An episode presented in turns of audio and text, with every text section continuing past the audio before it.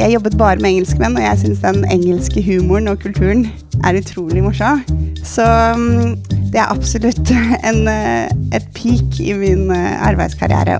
Jeg husker jeg kunne ikke ha trange skjørt, for jeg måtte løpe ved siden av med, med fra møte til møte. Alle avgjørelser i byutvikling vil ha en slagside, og vil ha noen motstandere. Vi skal bygge 2000 boliger, og um, forhåpentligvis det som blir et flott byutviklingsprosjekt på Rosenholm. Bak fasaden med DJ og Rønne. En podkast fra Estate Media.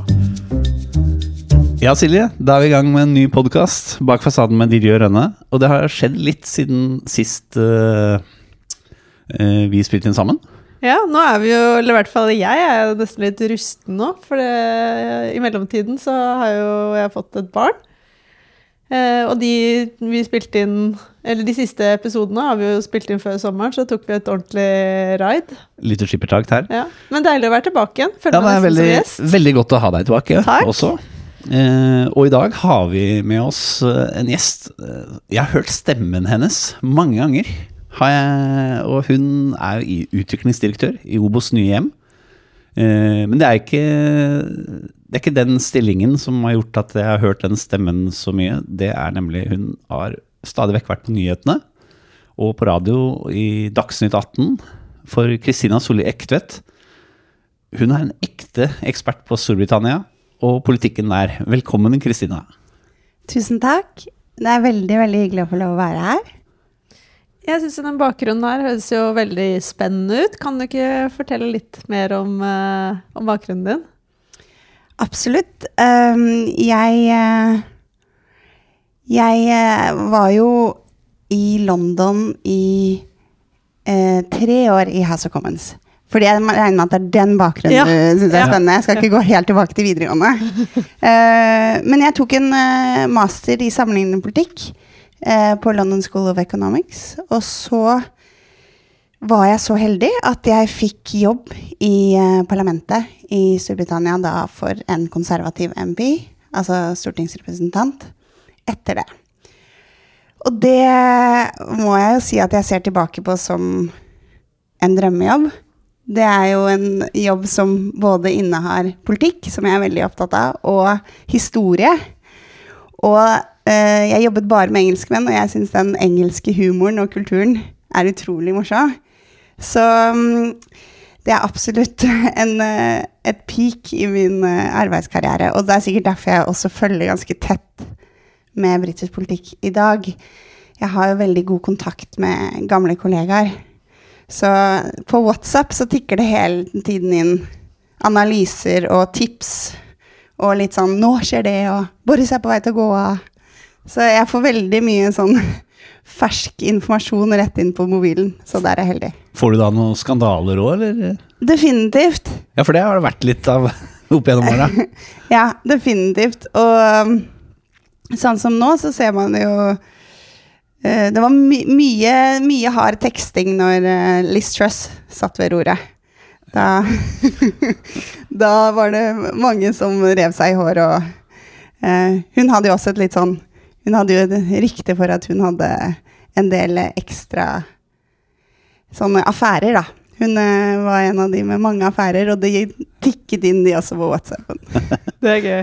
Men hvordan er det egentlig ting foregår i, i det britiske Er det over- og underhuset? Ja, eh, nå jobbet jo jeg i Underhuset. Um, og det som er den vanlige gangen der, det er jo at eh, alle de stortingsrepresentantene de har jo hvert sitt valgdistrikt. Så selve arbeidsuken så kommer de inn fra valgdistriktet på ettermiddagen på mandag. Og så sitter huset da fra mandag ettermiddag og til torsdag ettermiddag. Eh, så torsdag da kunne alle de, vi som jobbet for dem, alle researchers som det heter, som egentlig er politiske rådgivere, da kunne vi eh, senke skuldrene. Eh, fordi de dro i da til valgdistriktene og var, eh, skulle være med på masse lokale ting.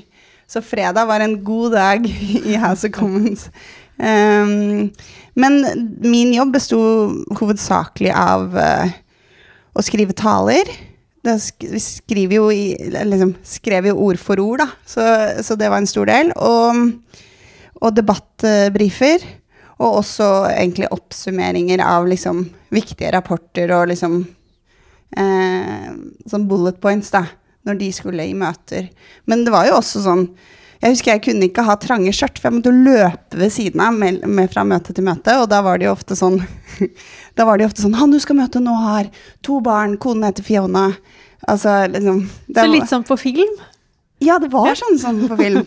Eh, og det er jo det som er litt sånn morsomt med det, at det var jo mange ganger jeg tenkte sånn Det her er jo liksom litt sånn som på film. Ja. Um, og det, det er jo alltid noe man ser tilbake på som, som spennende. Men jeg tror det har endret seg veldig mye der borte fra jeg var der. Um, jeg begynte å jobbe der i 2009, og da var David Cameron leder for de konservative. Uh, og han var en veldig samlende figur i partiet. Han var jo da opposisjonsleder på det tidspunktet. Men det var en ekstrem lojalitet mot han og hans budskap, og han ble jo sett på som en moderne leder og en som på en måte skulle nå endelig få de konservative til å vinne valget. Og jeg husker sånn når han gikk forbi gangen og sånn, så ble man helt starstruck. Eh, men nå er jo det et ganske splittet parti. Og det er jo brexit som har forårsaket det. Så jeg, jeg vet ikke hvordan det er å jobbe der i dag, fordi ehm, jeg ser at eh, partiet har beveget seg veldig langt til høyre. eh, som en konsekvens av at mange av de moderate som ikke stemte for brexit, rett og slett har gått av og gitt seg i politikken.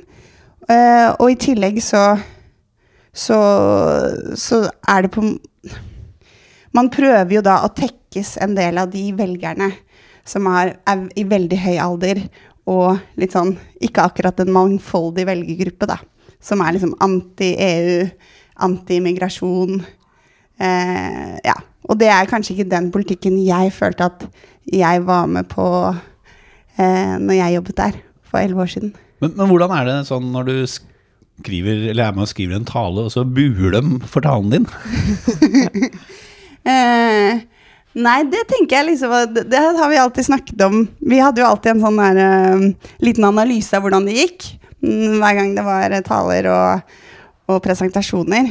Og hvis det var litt sånn motstand, så var det bra, for da hadde man truffet en nerve. Eh, men det var jo en helt eh, spesiell ting å skrive taler av, for det engelske språket er jo så rikt. Sånn at for hvert ord så har du liksom ti alternativer.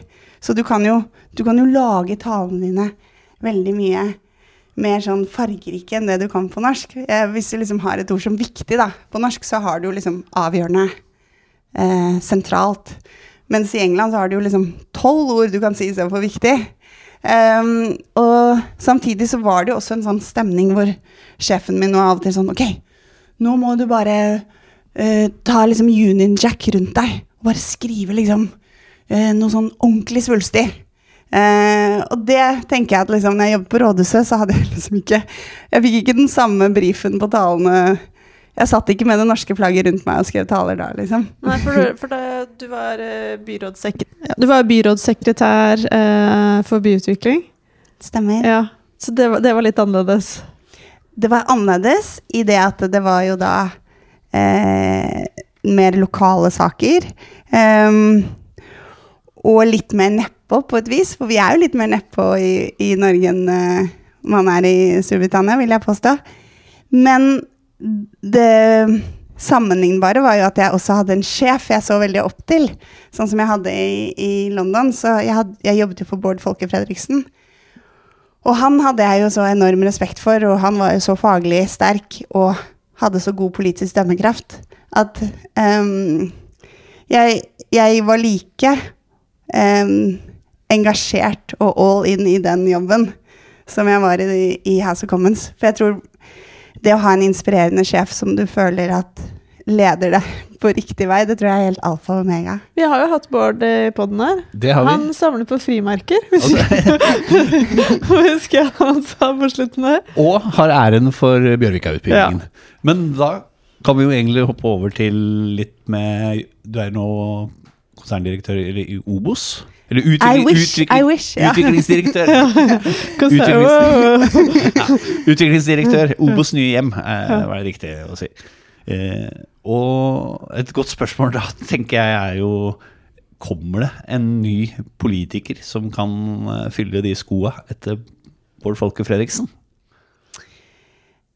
Ehm, ja, det må vi jo både håpe og tro. Og eh, hvis jeg skal snakke siden han er en høyre mann, så syns jeg jo James Tove Lundsen har eh, hatt en veldig bratt læringskurve siden han ble leder for eh, byutviklingsutvalget. Um, det som jeg kanskje har savnet litt i byutviklingspolitikken siden eh, jeg sluttet, og dette sier jeg nå helt ehm, objektivt, fordi jeg, jeg kan ikke lenger ha verv i politikken nå som jeg Nei, nei. jobber i Obos, det er den eh, prinsipielle eh, Det prinsipielle ståstedet.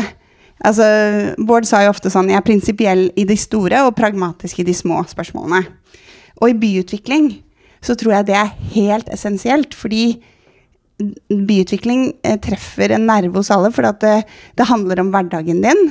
Eh, det handler om naboskapet ditt eh, og nærmiljøet ditt. Eller så handler det om byen din. Forandring er krevende.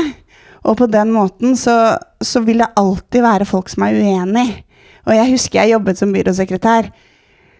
Eh, Jeg ble jo veldig god på å liksom holde telefonen langt unna når folk satt og skrek, og så bare av og til ta den nærme øret og si sånn 'Jeg har sympati med det du sier', men det blir ikke sånn. Fordi du, du kan ikke tekkes alle. Og um, jeg vil påstå at i de senere årene så har det gitt Det har vært mye mer rom for at uh, det som kalles NIMBY, da, Not in my backyard, det har fått veldig mye mer rom. Eh, lokallagene har fått lov å spille inn eh, i mye større grad sine protester ut, til de sentrale partiene uten at det har vært en ordentlig diskusjon. Eh, og dette sier jeg eh, samtidig som jeg har ansvar for medvirkning i Obos og har kjempetro på det. Og, og er veldig stolt av det vi har fått til så langt der. Men det er noe med at eh, de som engasjerer seg i byutviklingsspørsmål, ofte er mot det som kommer. De vil ikke ha eh, den nye bebyggelsen i nærområdet. De vil ikke ha endringen. Fordi at det er faktisk sånn at de som er for noe, eh, de har ikke alltid tid til å stille opp på de infomøtene for å rekke opp hånden og si at jeg er ganske positiv til dette prosjektet. Sånn at eh, man, man må nesten tørre å være litt prinsipiell, og det betyr ikke at man ikke skal lytte, for det er ekstremt viktig. Men alle avgjørelser i byutvikling vil ha en slagside, og vil ha noen motstandere. Og det er viktig å huske på å tørre å stå i. Ja, for det tenker jeg at det må du jo også gjøre når du jobber i Obos, for Obos har jo også fått ganske mye kritikk, særlig av arkitekturoppgjøret. Ja, Opprøret. Ja. Ja. Um, det har vi. Og uh, vi er store, vi er synlige, Mm. vi bygger mye, og sånn sett så må vi tåle det. Og vi må lytte til det. Og vi er jo kjempeåpne for konstruktiv kritikk. For det har jo også vært eh, ikke så konstruktiv kritikk òg. Men eh, det er alltid rom for å lære og utvikle seg. Og det må vi i Obos virkelig, som alle andre, gjøre også. Så jeg har syntes at den, det var en veldig sånn sunn eh, debatt som kom i kjølvannet av det arkitekt, eh, arkitekturopprøret, også medlemsopprøret. Jeg var ikke enig i all kritikken som kom, men når det er sagt, så, så syns jeg på en måte at det er noe vi må tåle. Og prøve å gjøre det beste ut av det i form av å lære.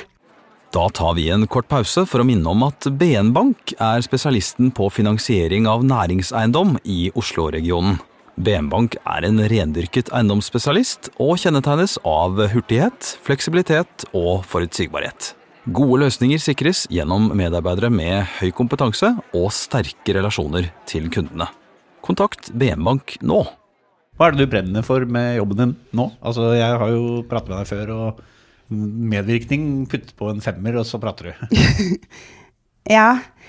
Um, vi i Obo skal jo få folk inn på boligmarkedet. Vi skal bygge eh, boliger, og vi skal forvalte boliger. Det er jo det som er mandatet vårt. Eh, og det har jeg jo veldig tro på. At eh, bolig er en samfunnsgode. Eh, I hvert fall her i Norge, hvor vi har så høy eierandel prosent. Ehm, men når det er sagt, så er det jo også et overordnet mål. Og vi skal jo være en boligbygger som utgjør en forskjell. Og med det så vil vi jo eh, eh, så langt det lar seg gjøre, prøve å lage prosjekter som er kun en positiv endring i bybildet og i nærmiljøet til folk flest. Um, og da er jo det viktig å få den innsikten um, fra de som bor der allerede, eller andre interessenter. Hva er det dette området trenger? Hvilken historie må vi ta vare på? Uh, og hva slags mennesker er det som bør få sjansen til å komme og bo her? Jeg tenker jo liksom sånn, Du kan jo mye om, by, om byutvikling. Eh, og hvis, hvis vi skal se på Oslo, hva tenker du liksom sånn, hva er det som du syns er ordentlig bra som Oslo har fått til i det perspektivet? Ja, du nevnte jo Fjordbyen. Eh, vi hadde noen amerikanske venner på besøk her i, i sommer, og de var her sist for ti år siden. Og det var ganske gøy å gå rundt eh, nede i Bjørvika og vise hva Oslo på en måte har blitt da, på de ti årene siden de var her Uh, sist. Um, så det er jo fantastisk. Og det er jo en planlagt utvikling. Men så er vi så heldige å bo i en by som har en kjempestor uh, naturressurs med marka og uh, har liksom sjøen, vi har marka. Det er jo noe av det som er helt fantastisk med Oslo når man har bodd mange år i utlandet. Den nærheten til både det urbane og naturen, da. Så, så tett. Um, men eh, hvis jeg må trekke frem én ting, så, så er det Fjordbyen. Men hva er det man aldri burde bygd her i Oslo, da? Jeg, jeg er jo vokst opp på Sankthanshaugen, så jeg er jo byjente. Uh, og jeg har aldri vært så veldig glad i um, Galleri Oslo, men det er vel ikke den eneste. jeg har liksom aldri skjønt funksjonen. Er det busser der? Jeg vet ikke, jeg har aldri tatt bussen. Men, eh, altså ikke der, jeg har tatt bussen, men ikke derfra. Så jeg, vet, jeg har aldri skjønt funksjonen av det bygget. Safe, et safe svar. Et safe svar, bortsett fra at jeg klarte å si at jeg allerede hadde tatt buss. Ja. Det, det, det hører ikke hjemme i Obos. Men nå holder du på med noe hvor Altså, dere holder på Du jobber nå en del med et prosjekt nede på Holmlia. Ja, eh, jeg kommer faktisk rett eh, fra Holmlia nå. Eh, vi skal bygge 2000 boliger, og eh, forhåpentligvis det som blir et flott byutviklingsprosjekt på Rosenholm. Men er det der du skal ha buss gjennom en tunnel? Det, ja. eh, den Da blir det begyn- sikkert første gang du kommer til å ta bussen. nettopp, nettopp. Eh, det, eh, det er da en busstunnel mellom Gjersrud Stensrud, som dere sikkert kjenner til, som, som er et stort område hvor man lenge har hatt en ferdig områdeplan, eller den ble vel ferdig i 2016, eh, med håp om å bygge 10 000 boliger pluss. Men det er veldig, veldig vanskelig å komme seg dit med kollektivtransport. Eh, så det ligger litt som en sånn øy. Og det Obos har utredet eh, det siste året, er jo da Sammen med kompetente samarbeidspartnere så ser vi jo sett på muligheten for en busstunnel. Mm. Eh, som da vil knytte Gjersrud Stensrud til Rosenholm, og da også kjempekort inn til Oslo sentrum med toget. Men Gjertsrud Stensrud, er det det området hvor kommunen sier at uh, en tredjedel av boligreserven er, da? Eh, Det, det har jo vært noen morsomme diskusjoner med bransjen hvor kommunen egentlig har sagt at ja, men der er 10 000 boliger klare, nesten. Ja, det, eh, det stemmer. Men eh, det er vel det hvis man får på plass den tekniske infrastrukturen. Men det er jo et kjempeløft, og det er jo det vi prøver med, med å foreslå denne busstunnelen. Er, det er faktisk en, en realistisk eh, løsning. Eller det kan både kostnadsmessig og, og fremdriftsmessig så kan det løses. Du har jo jobbet med Daniel tidligere. Var det såpass bra at du eh, hadde lyst til å jobbe med han igjen? Absolutt. Jeg var så heldig å være rådgiver for Daniel Sirai fra 2017 til 2018. Um, og han er jo en ekstremt dynamisk og handlekraftig sjef. Og uh, veldig visjonær. Og ekstremt kunnskapsrik. Han er jo alltid den smarteste i rommet når vi eh, var i møter. Så jeg hadde gjerne jobbet for Daniel igjen. Jeg fikk den jobben jeg har nå, så sa jeg sånn Sparker du meg oppover? Jeg har jo så lyst til å fortsette å jobbe for deg. um, så ja, det var faktisk eh, på den nye nyansatte dagen i Obos at um, han sa noe som jeg har uh, bitt meg merke til, og som jeg prøvde å leve etter, og det var Han sa når dere får nye sjanser eller blir spurt om å ta imot en utfordring, så si ja. Bare si ja. Ikke tenk så mye. Eh, og jeg har også vokst opp med en far som sier sånn eh, Det skal ikke være at eh, nei skal ikke være eh, autopilotsvaret. Eh, man må si ja. Og det er eh, en ting jeg tenker over i livet og i karriere, at det er et veldig godt råd, fordi ting løser seg som oftest.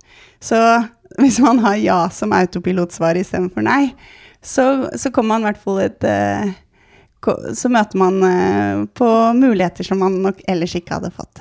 Men faren din han var jo rektor på Elvebakken, Stemmer. som vel gikk fra å være en av de aller svakeste og dårligste skolene i Oslo til å bli den beste. Ja, absolutt. Eh, og jeg har hørt at du nærmest har hatt en sånn tvungen sommerjobb, ja. da de har hatt sånn sommerskoleleir, eller hva det nå var. Eh, ja, det er to, to ulike ting som er, er ganske formative for meg, fordi eh, eh, pappa overtok jo Elvebakken i 1995, tror jeg. Eh, jeg var i hvert fall 15 år, og da overtok jo han en skole som lå helt brakk. Så eh, å følge han tett eh, i hvordan han endret det, det har jo vært veldig spennende, selv om vi så han jo ikke så mye. Nei, for han jobba litt. For han jobbet eh, veldig mye. Eh, men han er veldig god til å formidle. Han har jo forsøkt å formidle noen av de eh, mantraene han innførte der, da. Eh, og det som jeg har fått god læring av. Sånn, han sier alltid sånn 'Det blir mer av det du snakker om'. Eh, for eksempel. Det er en sånn ting jeg merker at jeg også går rundt og sier på jobben. Eh, det er jo liksom Hvis du fremfører budskapet ditt om og om igjen, så til slutt så sitter det. Har du Eh, lært mye av faren din? Absolutt. Eh, jeg spilte veldig mye tennis da jeg var ung, og så Jeg tok bacheloren min i USA, for da spilte jeg på scholarship. Og han var den som fulgte meg på alle tennisturneringer. Og da blir det mye bilkjøring. Så da var det enten å snakke om samfunnsspørsmål eller høre på Roger Whittaker. Så da eh, har jeg, tilbrakt mye tid med han. Og Eh, Den eh, feriekolonien du refererer til, det er en annen familiesvakhet, og det er at eh, eh, familien driver en feriekoloni om sommeren.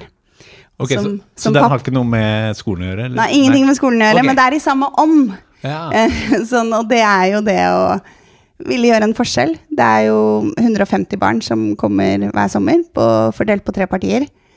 For, og det er jo fordi at det er ikke alle som har mulighet til å ha en uh, kul sommerferie. Uh, men uh, nøkkelen på den feriekolonien som ligger på Filtvet, det er at vi har blandet. Det er både barn fra relativt ressurssterke hjem og mindre ressurssterke. Og det tror jeg er en god oppskrift på mange ting i livet, å, å blande. Men du har vært med og jobba en del der? Der har jeg jobbet eh, hele livet. Og vi jobber fortsatt der. Jeg, jeg, hvert parti er elleve dager, så jeg jobber i hvert fall ett parti. Og mannen min. Han jobber på kjøkkenet. Men eh, liksom hva, hva føler du at, du at det gir deg, eller at du lærer av når du gjør det hver sommer? Hva er det det liksom betyr for deg? Det er jo fantastisk å se at man skaper noen sånne minnespor eh, hos barn som ellers ikke ville vært der. Det er liksom noen av de tøffeste gutta i språkbruk og oppførsel. Men med en gang man putter dem ut i en båt som de aldri har sittet i før, så ser man liksom Da ser man at de faktisk bare er barn, de òg, men at de vokser helt vanvittig på det. Og så får du alltid eh, på en måte tilbakemeldinger at liksom Dette gleder jeg meg til resten av året. Altså, den sommerferien er det viktigste som skjer i løpet av året. Um, Og så tror jeg det er kjempesunt for mine barn også. Uh, jeg har jo tre barn. Å være sammen med folk som kommer fra helt andre deler av byen. Ja, Oslo og Det Ja. ehm, jeg tror det er det noe med det der sosiale. Å kunne, kunne se på alle helt likt. De, det er jo ingen som vet om faren din er rik, eller om, er, om foreldrene dine er skilt, eller hvem du er. Du er bare deg selv når du er på feriekoloni. Bak fasaden med DJ og Rønne.